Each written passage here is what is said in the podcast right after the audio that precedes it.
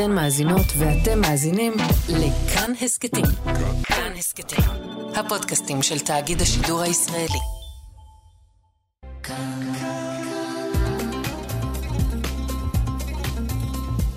כאן תרבות. אנחנו כאן. כאן תרבות.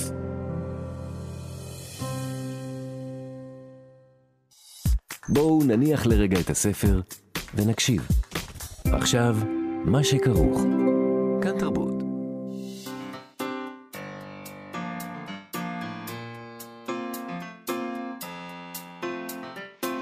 מה שכרוך. עם יובל אביבי ומה יעשה לה.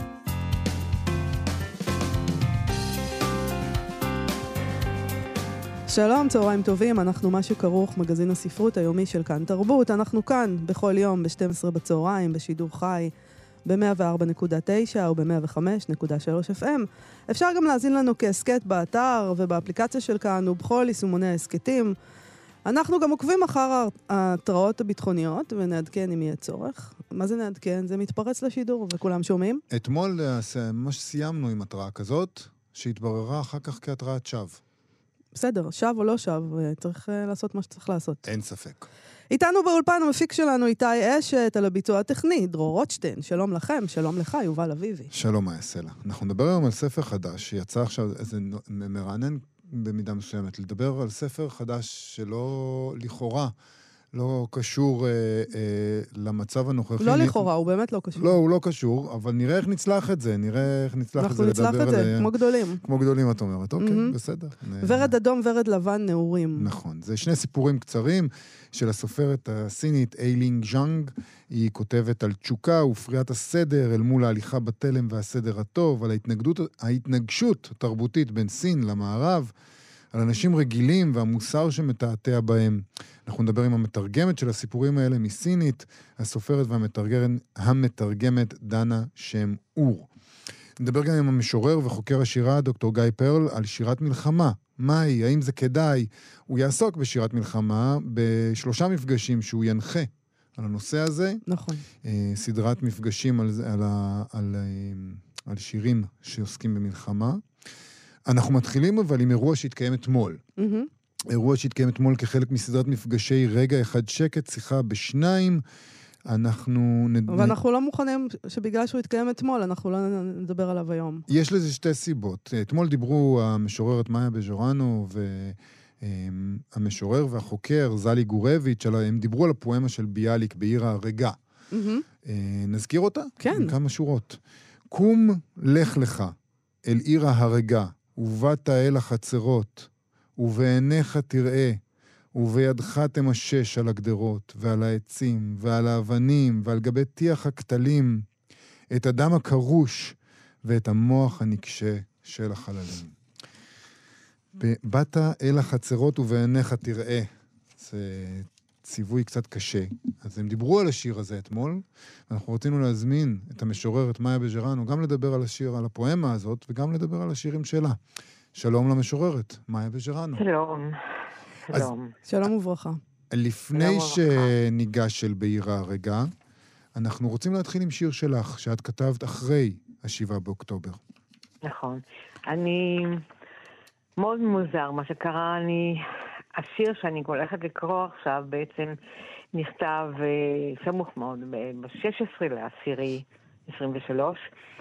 הוא נכתב בעקבות צפייה רבה מאוד בטלוויזיה, ושמעתי את העדויות והסיפורים של אנשים שסבלו והיו שם, כי אני אישית לא הייתי בעוטף, לא ביקרתי שם, אבל אני הייתי מאוד פגועה ומזועזעת באמת mm-hmm. ממה ששמעתי. והדברים שאני קוראת עכשיו פרצו ממני, כך, ממש ככה. ואני אקרא את זה. בבקשה. ולשיר שלי קוראים, בואו נאמר שזה בעבודה, כי אני עוד רוצה להמשיך אותו, אבל הוא די, די גדול. מלחמה. ואנשים סיפרו, הם יצאו אפופי מוות, עטויים חושך, נחנקים בהלם, והמילים הובאו להם לדבר בהן. מרחב מוגן דירתי ורחפן וידית של ממ"ד ומחבלים ומחבלים וצה"ל ופחד ומחכים ומחכים והזמן נפרס והתכווץ, התערבל כמו בוץ. הם רקדו שעות על שעות בשמש הלילה. הניפו ידיהם, ריחפו לשמיים, באוויר הפתוח של השדה העצום, ושרו ושרו, ריחפו בהלמות המוזיקה, ופניהם בהקו, זרחו, התנשקו, התחבקו וצחקו, ועיניהם נצצו והיו נבערים ומאושרים. אנשים סיפרו על אנשים, חיים סיפרו על חיים שמתו, על עוללות הריגתם ברשע, עוולות וגבורה ואומץ. אנשים טינו אהבתם ובכו במילים שהובאו אליהם, שבלעדיהם, שבלעדיהן היו צווחים ומחרחרים צווחות, תימהון, אימה, זעקות וענקות. אבל דיבורם היה נוקב, ישיר וצלול ואמיץ. והייתה שם נערה כחולת עיניים, והיא סיפרה על, את סיפור אהבתה וגבורתו וגבורת אהובה ששכב על הרימון ומת, וחיוכה הפציעה בדמע. והייתה שם אם בוכה ליד בבואת בתה הקטנה שנלקחה בזדון למרצחים. והיה שם סב, והייתה שם סבתא ונכדה בחיבוק מאושר של חגיגת הולדת שמתו. והיה שם חייל נעדר, ואחותו הקטנה סיפרה, שאלה, מתי הוא ישוב? כי היא צריכה אותו נורא, ואוהבת אותו עד השמיים. והיה שם מי שסיפר על השיחים בשדה בהם שכב, בין מתים, ולידו שתי הנערות עמן רקד, והן מתו. והיה שם אב פצוע, ממיטת חוליו סיפר על גבורת בתו הילדה, שעמדה בחדר, ואימה ואחיה רצוחים לידה, וזעקה בנייד לכל העולם. והייתה שם זו, והייתה שם זו שהפכה את המרצחים לאורחים, והעוגיות שהציעה בפניהם והמשקה שמזגה הרדימו את רעבון הרצח, והסיתו אותם לזמן מה, כמו שהיו מרדימים את הדרקון יורק האש הנורא במתת. וניצלה, היא וילדיה. אבל המוות היה נבזי ונורא לבחור המתוק ואהובו החייל, חתן דמים. ולא ידענו למה מתם, ועל מי ועל מה מתם. זה ציטוט אגב. בסיפור ההינצלות הפלאית של צעיר, הוא נמלט משדה המחולום, משדה המחולות, משריקות כדורים, קפץ לבור שבין השיחים הדרדרים, עמוק וחבוי שכב שם, משקיט את פעימות ליבו הנטרף. השמש האירה בכל עוזה, והמחבל עמד ולא ראה. איך קמו, חזרו לכאן, איך עלו מאחרית ים, מרחקי יבשות, מהרים ועמקים ונהרות, איברים של גוף אחד, בכוח מגנט אדיר משו עצמם ממעמקים, לבוא לפה, ופה לעשות אותו שלם, ואחד ועצום במאבק. למה האסון הרעיד ופתח את ליבנו? לבי נרעד, פחדתי לדבר איתה, ידידתי הרחוקה מקיבוץ בארי, לשמוע את קולה, האם שרדה, אם עודה חיה. וידי קפאה, היססה בנייד, אף שמספרה זרח מול עיניי. האישה הנחמדה ובנה הצעיר. בפראג הכרנו וטיילנו יחד, וביקרתי בקיבוץ, בקיבוץ היפה בארי, וישבתי איתם בסוכתם. היא שמחה וקראה, תראי, זה הבית שלנו, זו המשפחה הגדולה. למה פחדתי? מכל מרוסק, שבור וחרב, מצעקה של מוות? היא ענתה לי, ועניתי בקריאת רווחה ושמחה. של הינצלות. אבל רבים היו המתים, בנים, אחים, רעים, חברים, אבות, אמהות, רעיות, ילדים, עוללים, בנות, לוחמות, לוחמים. ופניה של אם זרחו, אישה של ספרטה.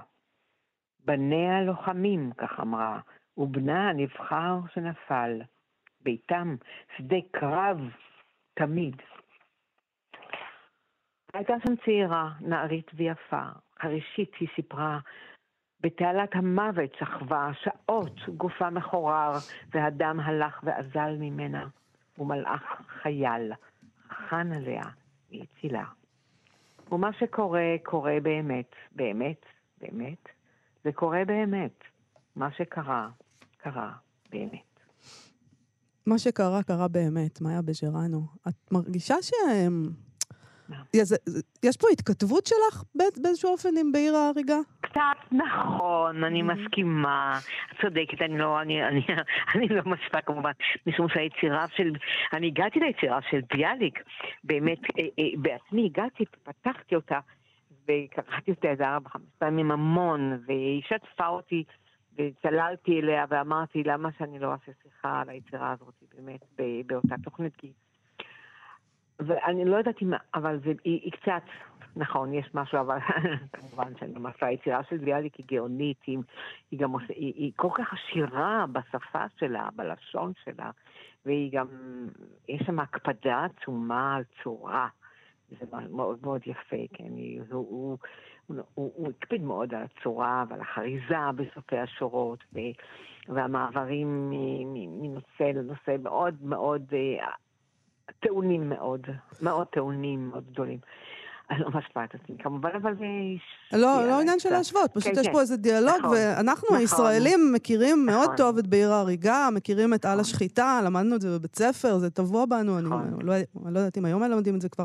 ויש איזה משהו משונה לקרוא את זה היום, אחרי השבעה באוקטובר, זה נוס- נוספה נכון. עוד שכבה של משהו שאנחנו כבר, הוא מדבר אלינו עוד פעם, זו עוד שיחה. זה כל כך מרתק, ואנחנו עשינו השוואה אתמול בשיחה שלנו עם, אה, עם ההבדל הגדול של העם והאנשים, ש- הקורבנות שם. ביאליק די יורד עליהם ומוכיח אותם ודי מעליב אותם, הוא פוגע בהם קשה, כי הוא, הוא מאוכזב כן. מהיהודי הזה, ה...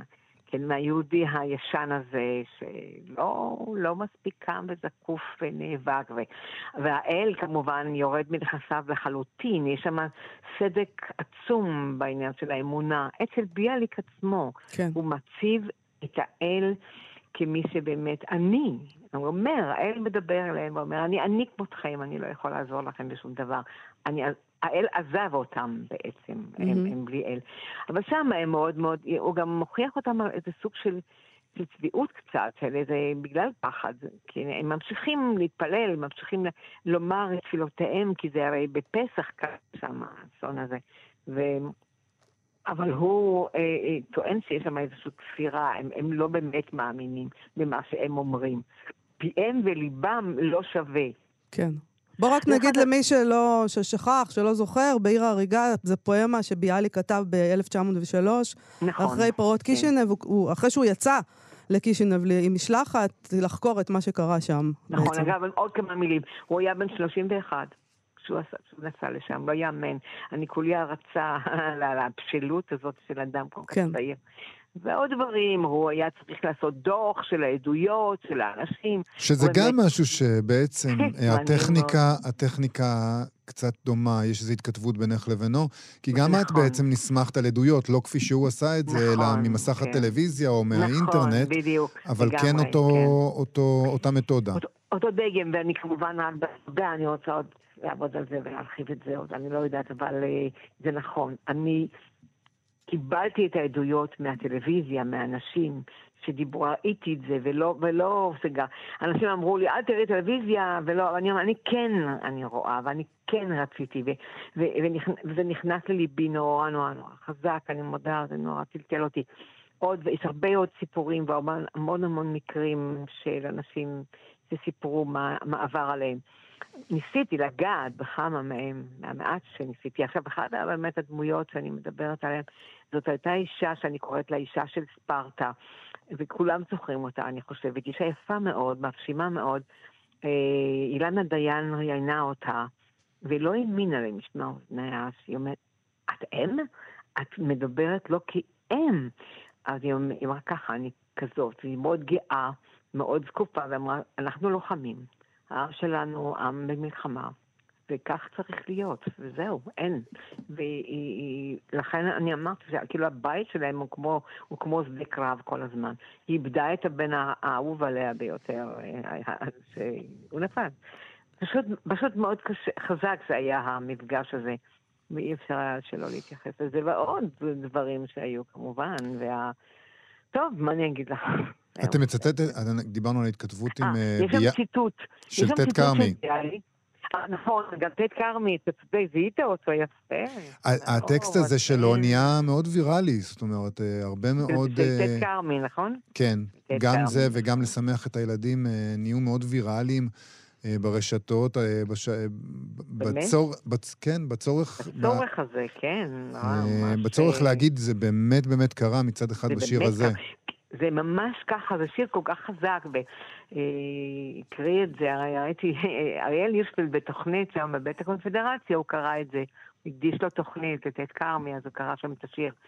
אבל זה ממש נכנס אלייך כל כך חזק, ולא יכולתי שלא אני אכניס את זה בכל מקרה, יכול להיות שלא כאן, אבל בטח. ויש עוד ציטוט ש, ש, שאני לקחתי מ- בעיר ההרגה, אה, ולא ידענו למה מתם.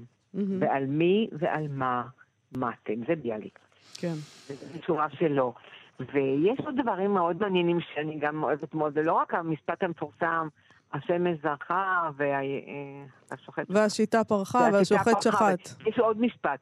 אדוני קרא לאביב ולטבח בו זמנית, זאת אומרת באותו הזמן. כן. זה הטבע האדיש ש... שמקיף את ה... את ה... אות... אותנו בעולם, וביאליק מדבר על זה גם, כן, בהחלט. ובעצם, אה, יש פה משהו באמת אה, נורא ואיום, מין שושלת של משוררים, שנאלצ... משוררים של העם היהודי, של, אה, של ישראל, שנאלצים אה, לכתוב על הדברים האלה. מצטרפת עכשיו לשושלת, אה, באמת, אה, מהבחינה הזאת איומה. איומה, וגם גם צ'רניחובסקי, כשכתב את ברוך ממגנצה, גם שם יש אה, תיאור מאוד אה, כאוב מאוד של אה, קורבנות, ו... ו... ו... נו, את המילה, פוגרום, ו... אבל שם זה משהו אחר. העניין הזה של, אבל מה אנחנו, מה, מה, מה הטוב? לא, זה לא טוב. שאם ביאליק היה רואה את הדור שלנו שקם ולחם, והוא בכלל יהודי החדש, נכון. ודיברו על זה, שהטלטלה של היצירה הזאת גם גרמה ויכוח גדול על היהודי הישן לעומת היהודי החדש שביאליק היה רוצה לראות. ו- והיום אנחנו רואים את אותו יהודי לוחם, היהודי הנאבק, היהודי הזקוף, אבל זה כל כך עצוב, הגורל של האנטישמיות, שמלווה אותנו כל הזמן. כן, הגורל פשוט אני- היהודי. אה, מאיה, כן, אנחנו, היהודי. דיברנו כן. בחודש האחרון עם אה, לא מעט משוררים וסופרים על העניין הזה של כתיבה בזמן כזה, אחרי אירוע כזה. כן. חלקם אמרו שזה בלתי אפשרי מבחינתם, חלקם אמרו שזה הכרחי ונחוץ להם. ובשבילך זה גם כן ככה, הכרחי ונחוץ, או בלתי אפשרי? אני, לא, זה לא לפי שום כלל. למשל, השופט אהרן ברק לפני כמה שנים אמר, כשהתותחים רועמים, המוזות לא שותקות. מהמם. דווקא ציין את, ה, את האפשרות של, של כן, של כן התייחסות וכן דיבור ו, וכן שמירה על צלם אנושי ותרבות ו, וחוק. כי הם, הם דיברו על זה שכשהתותחים רועמים, המוזות שותקות, הכ- הכוונה היא לא רק ליצירה של הספרות, אלא גם לחוק ול, ו, ו, ו, ולכללי התנהגות בכלל, את מבינה? כן. שכאילו זה, זה, זה הולך לאיבוד וזה נשחק, לא. זה נשמר, וזה חייב להישמר, וזה לא צריך ללכת. למשל, לפני כמה זמן קראתי שיר נורא נורא יפה, היא חושבת שהיא הקריאה את זה, של, מאוד נגע לליבי, של רוני אלדד. שיר משוררת צעירה. זה, זה השיר נוגע חזק מאוד על המצב של היום, מאוד, זה כל כך יפה, ומלא, זה, אני מאוד אה, אהבתי את השיר, אני לא מכירה אותה אישית, אבל ציינתי את זה לעצמי. אני חושבת. ויש הרבה שירים שנכתבים. זה, ב- זה מזכיר במידה מסוימת את, ה, נכתבים, את, הפ, כן. את הפתיחה של השיר שלך. את אומרת, המילים הובהו להם לדבר כן. בהן. כן. את אומרת כן, את זה גם כן. לעצמך אולי, גם למשוררים, לכולנו. כן, נכון, כי, כי אם לא היו לנו מילים, היו צווחות וצרחות רק, אבל, אבל היה מילים, ואנשים דיברו, דיברו בצורה כל כך צלולה וחזקה ואמיצה. זאת אומרת שהמילים לא הולכות לאיבוד, להפך, הן באות והם משתמשים בהן ולא שוכחים אותן. אני חושבת, את מה שחסר לי? אני, מעלה בדעתי. ראינו צילומים מהארץ והחורבן, אבל לא שמענו את הצעקות ואת זה אני מדמיינת לעצמי, את הצעקות הנוראיות, ואת קריאות הפחד והבכי, ואלוהים יודע מה עוד, שאנחנו לא, לא היינו שם, ולא שמענו את כל הדברים האלה, ואיש לא הקליט את זה אגב, איש לא הקליט. אני לא יודעת אם הקליטו או לא, אבל זה, זה דבר ש... זה כאילו סרט אילם, אנחנו כל הזמן רואים. מאיה בג'רנו, כן. אה, תודה רבה לך על השיחה הזאת. תודה לכם. להתראות. תודה רבה. להתראות. אנחנו מה שכרוך בכאן תרבות. אז אה, שלושה מפגשים ינחה דוקטור גיא פרל שעניינם שירת מלחמה. אנחנו ננסה עכשיו להתחקות אחר השירה הזאת, במה היא עוסקת, האם היא גם יכולה לטפל, אולי, כי אני צריכה טיפול. דוקטור גיא פרל הוא משורר, חוקר שירה, הוא, הוא גם מטפל, אנ, אנליטיקאי יונגיאני. שלום גיא פרל. שלום, שלום. אה, תגיד, כשאתה חושב על שירת מלחמה, אז איזה סוג, מה זה, זה, אתה חושב על שירת מחאה נגד מלחמה, שזה דבר די נפוץ, או שירה שמתארת את המלחמה, או את הטראומה? איזה מין, איזה מין שירה זאת? תראי, אה, כל מה שאמרת זה תחת ההגדרה הרחבה, סליחה, של שירת מלחמה, אבל אני ממש, אה, במפגשים האלה שאני אערוך, אני לא מתכוון אה, להתמקד בשירת מחאה, אני מתכוון להתמקד בשירה שמתארת את המלחמה, שמסתכלת למלחמה בעיניים, שמנסה לומר משהו בשפה הפואטית על הדבר הבלתי נתפס ובלתי ניתן לניסוח של המלחמה. אה, נתרחב גם לשירה שעוסקת בפוסט-טראומה, כמובן בשכול. למה בעצם אנחנו אומרים על. המלחמה שהיא בלתי, זה דבר בלתי נתפס ובלתי ניתן לניתוח? אחרי הכל, אה, אנשים נלחמים, אתה יודע, מדורי דורות, יש מלחמות. למה זה בלתי ניתן לניסוח בשבילנו? אה, משום שזה בלתי, אני, אני מוצא את עצמי מגמגם מול השאלה שלך, זה בלתי ניתן לניסוח. אה, אירוע שיש בו כל כך הרבה מוות, כל כך הרבה כאב, כל כך הרבה אכזריות, כל כך הרבה שבר של כל מה שאנחנו חושבים על עצמנו ועל אחרים כבני אנוש, זה אירוע טראומטי עמוק עבור מי שנחשף לו, משתתף בו, כמובן שנפגע בו. אה, זה שובר את הדרכים הרגילות שלנו להתייחס למציאות. זה שבר עמוק מאוד במציאות, וזה שבר נפשי עמוק מאוד. ואני חושב, ושוחחנו על זה בפעם הקודמת ששוחחנו, ששירה היא שפה שיכולה להתחיל איפה שנגמרת השפה. כן. ואיפה שנגמרת השפה הקודמת. וזו גם אחת הסיבות שכל כך הרבה, יש כל כך הרבה שירת מלחמה. זה לשאלתך רק עוד מילה על שירת מחאה. אה, יש שירת מחאה שהיא מובהקת, זאת אומרת, ברור שהיא שירה אנטי-מלחמתית, אבל יש הרבה מאוד שירה שמתעסקת בניסיון לגעת בזוועה. האם זו שירת מחאה או לא? הרי כל ניסיון להסתכל למלחמה בעיניים, או להסתכל לנוראות, אל תוך הנוראות שלה, היא סוג של שירת מחאה, למרות שהיא לא נכתבת ככזו. כן, נכון. אבל אולי אנחנו עדיין בתוך הדבר הזה, אנחנו בתוך המלחמה, ואתה יודע, אנחנו ישראלים, משוררים ישראלים גם, נחלקו לא פעם בשאלה מה, על מה צריך לכתוב בזמן מלחמה, ואיזו שירה צריך לקרוא בזמן מלחמה. אולי צריך לקרוא שירי אהבה עכשיו, ולא שירי מלחמה. אני חושב שצריך לקרוא שירי אהבה.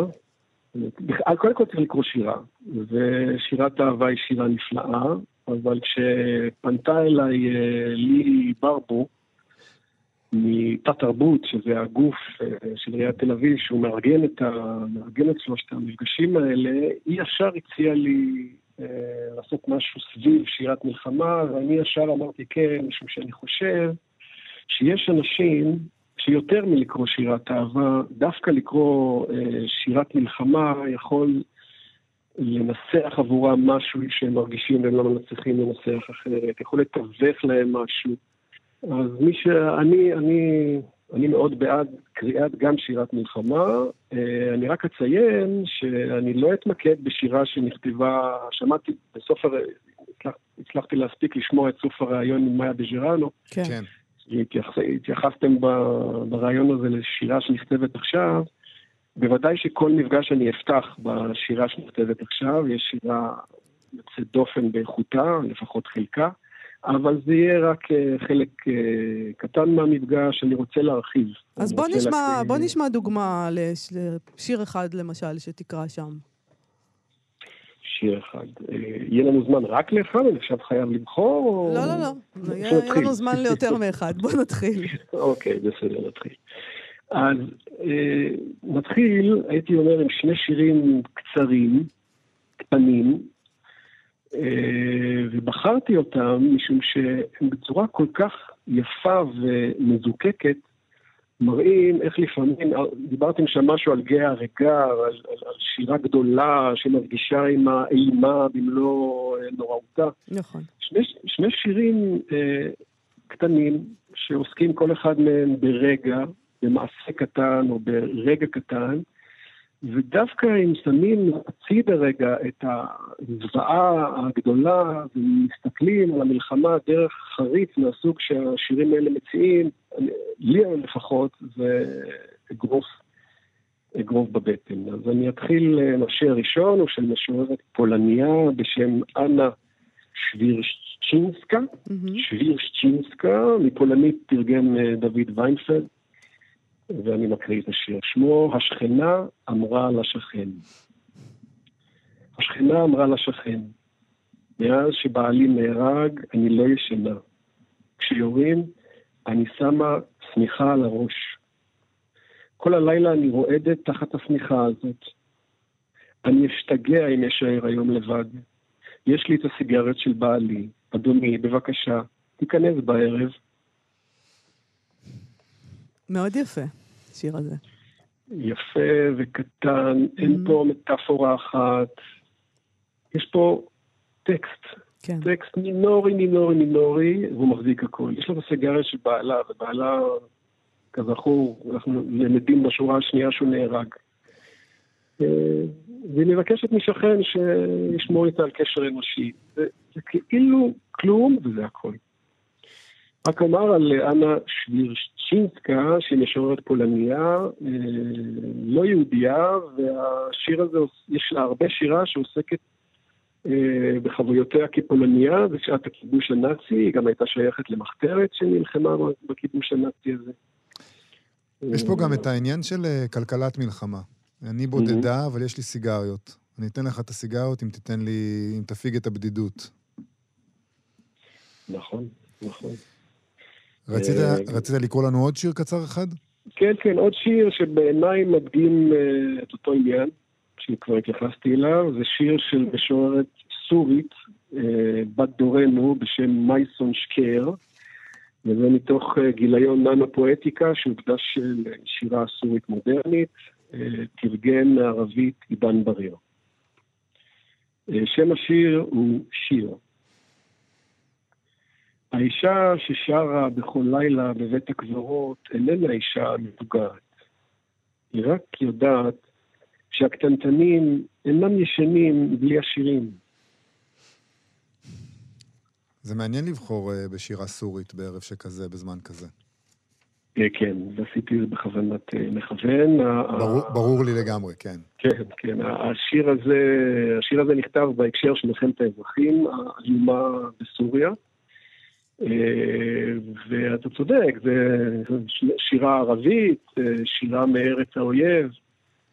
אתה מחייב אני- בעצם את המאזינים לגלות הרבה מאוד אמפתיה, כי אה, ב- ב- ב- בלית ברירה, כן? מה זאת אומרת? ברור, כולנו מרגישים אמפתיה כלפי, כלפי מי שאיבדו את הילדים שלהם, וזה שם אותנו, ב, אני בטוח, במידה כזאת או אחרת, בדיסוננס. מצד אחד את האמפתיה, מצד שני אנחנו עכשיו, עכשיו, עכשיו תוקפים שם, הם תוקפים אותנו, זה קורה עכשיו.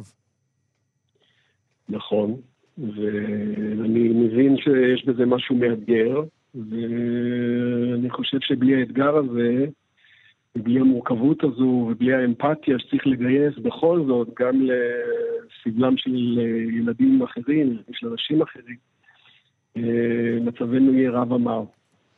אז אני בכוונה בחרתי גם את השיר הזה וגם שירים אחרים של קורבנות מלחמה אחרים.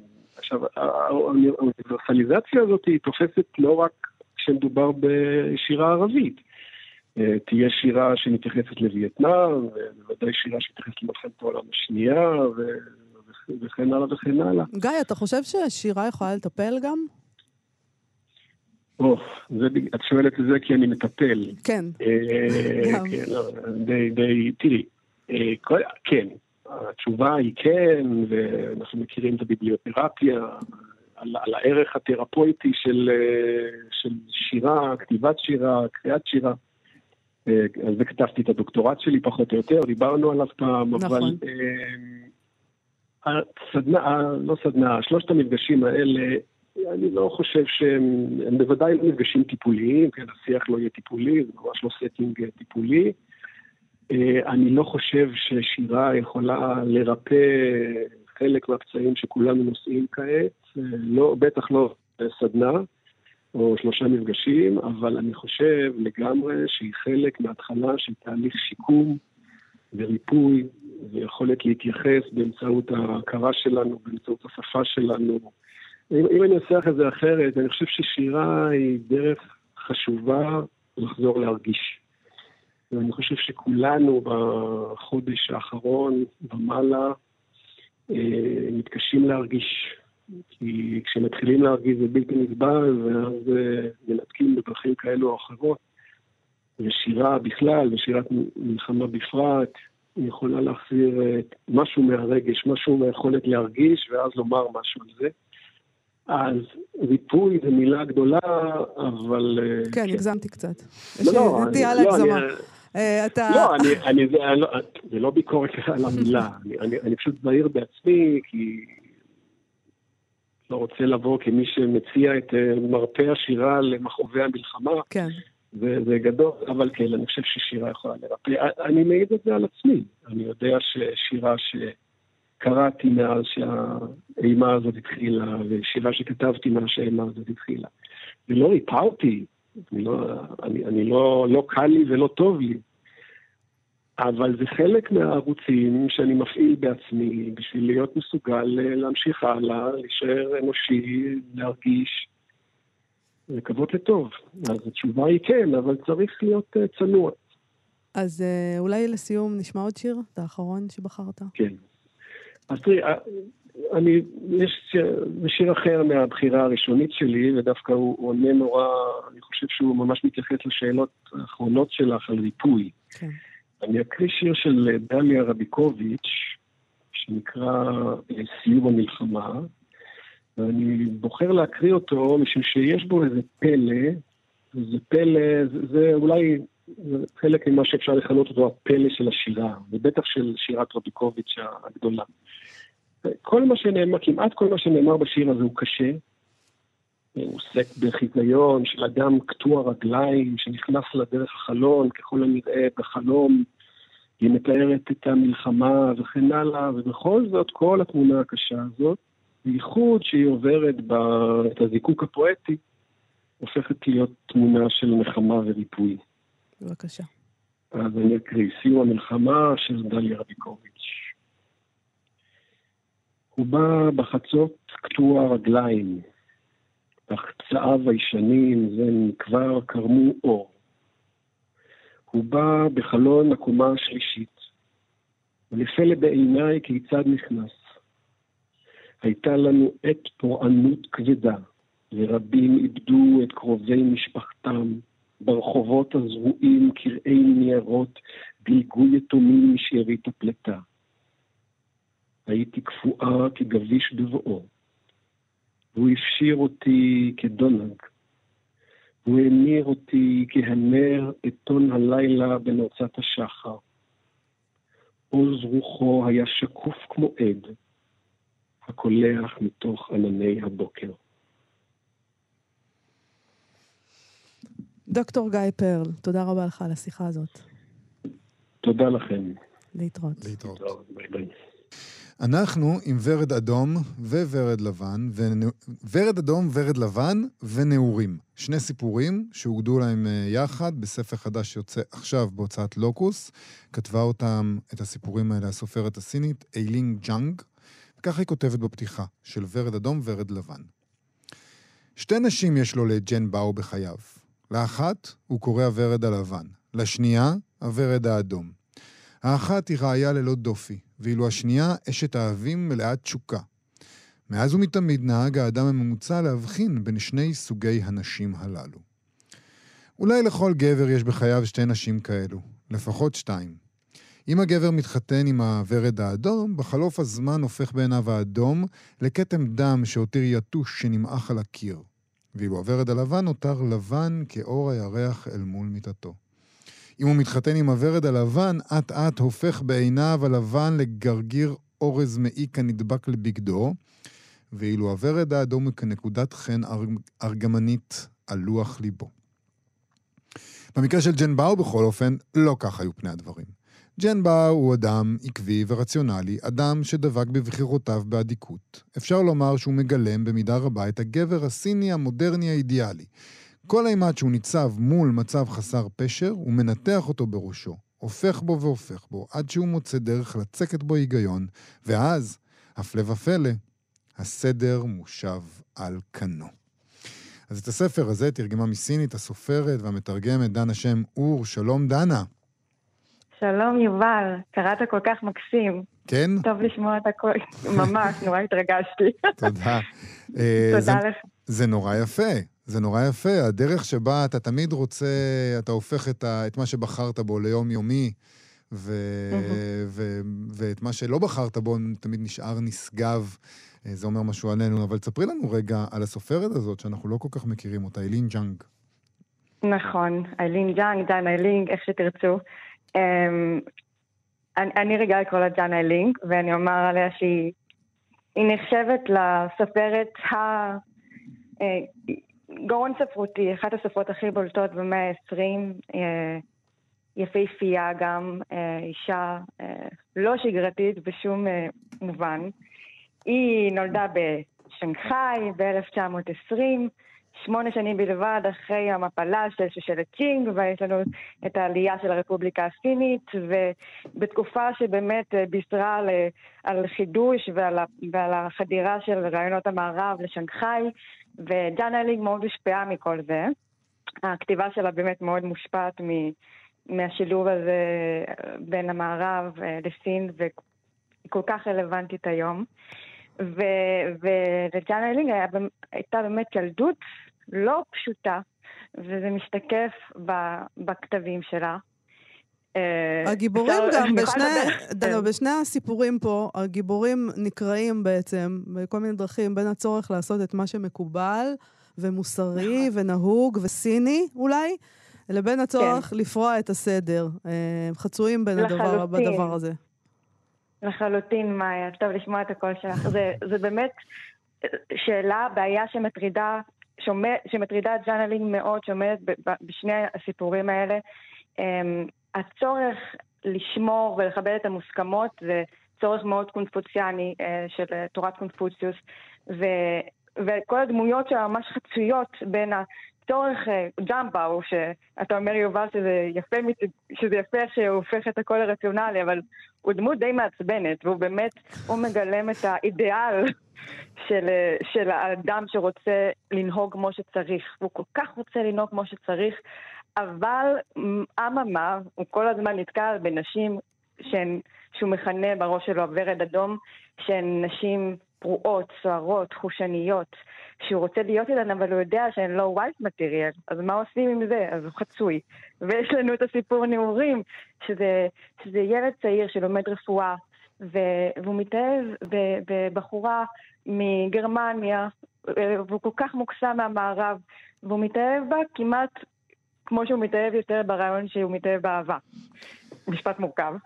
נכון, והם לומדים ביחד, הם לומדים ביחד גרמנית, אני נורא אהבתי את הדבר הזה בסיפור שהם לומדים ביחד גרמנית, ואיזה משפטים יש בספר לימוד של שפה.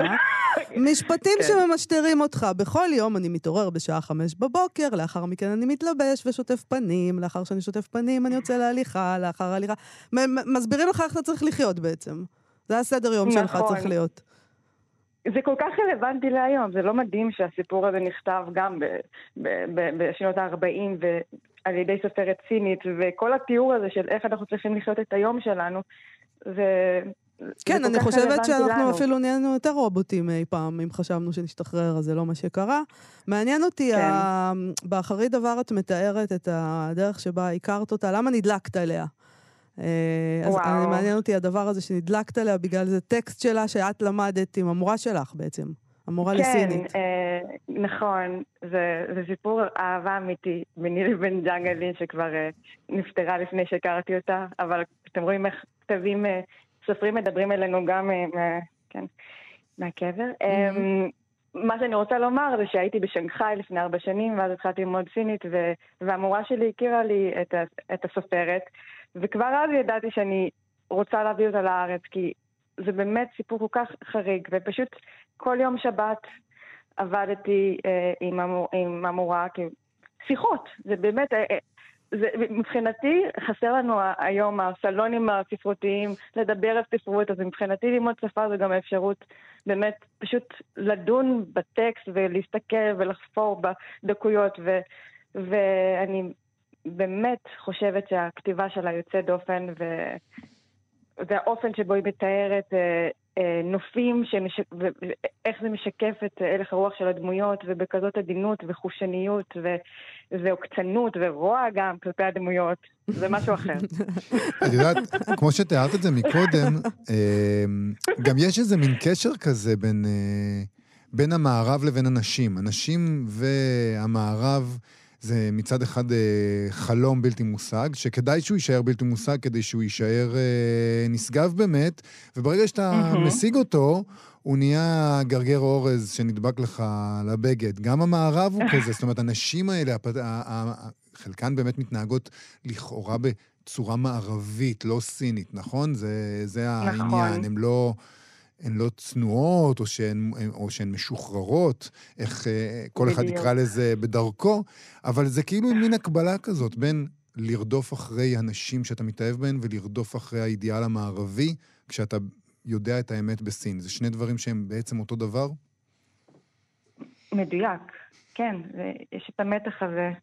אה, אני מאוד מסכימה עם מה שאתה אומר, לא חשבתי על זה ככה. כן, אז, אה, אז אתה חצוי בין, בין שני, ה- בין האידיאל של האישה ה- אה, לבית לבין האישה המע- אה, מן המערב הפרועה, ו, ובסין אה, הקונפליקט הזה הוא הרבה יותר גדול.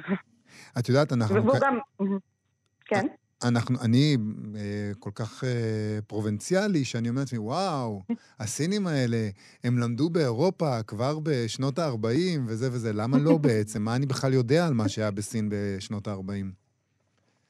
אה, נשים בשנות ה-40, האמת היא, חס וחלילה פרובינציאלי, אבל אה, אה, באמת, ג'אנה לינג חיה בתקופה, היא נולדה ב-1920, ובתקופה הזאת המערב אה, היה מאוד נוכח בשנגחאי. שנגחאי הייתה הקוסמופוליטן, האנשים, אז כבר אז הם נחשפו למערב. ובתקופה של מלחמת העולם השנייה, אה, הרבה אינטלקטואלים כבר אה, עזבו את סין.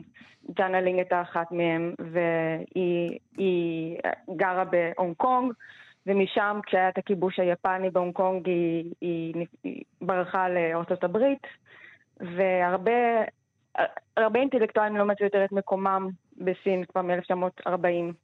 וזו גם הייתה הסיבה שדנה לינג איבדה מהתהילה שלה בתקופה הזאת, כי היא גם לא כתבה על מלחמות, אגב, זה מאוד מעניין, היא כתבה בעיקר על משפחה ועל אהבה. אמ, אבל היא עצמה הייתה מאוד מעורבת בחזית ה- בעלה הראשון היה סופר ו- ופוליטיקאי, והוא הואשם בריגול עבור היפנים במלחמת העולם הראשונה. ו- אה, השנייה, ואגב, בעלה השני, כי חשבתי שני הבעלים שלה, אה, בעלה השני, אה, היא התחתנה איתו, הוא היה מבוגר ממנה ב-30 שנה, והוא הסכים להתחתן איתה, רק אם היא תסכים לעשות הפלה. חמוד מצידו. אז, אה, אז לא היה לה חיים קלים גם. לא, לא, לא לא היו לה. חיים קלים. אנחנו צריכות אה, בהזדמנות אחרת לברר איך אנחנו אה, נגדיר את הגברים, איזה סוג של אה, ורד הם, ואיזה סוגים יש, אבל זה אנחנו נעשה פעם אחרת. ורד נבול. ורד אדום, ורד לבן, נעורים, איילינג ז'אנג, הוצאת לוקוס, דנה שמור, המתרגמת, הסופרת. תודה רבה לך על השיחה הזאת. תודה רבה, תודה רבה לכם. להתראות. עם זה אנחנו uh, מסיימים להיום, נכון? מהמם. נגיד תודה לאיתי אשת, המפיק שלנו, ולדרור רוטשטיין שהיה איתנו על הביצוע הטכני, ונזמין אתכם ואתכם לבקר בעמוד הפייסבוק שלנו. חפשו מה שכרוך בפייסבוק ואתם תמצאו אותנו. אנחנו נהיה כאן שוב מחר. להתראות. להתראות. אתם מאזינים לכאן הסכתים, הפודקאסטים של תאגיד השידור הישראלי.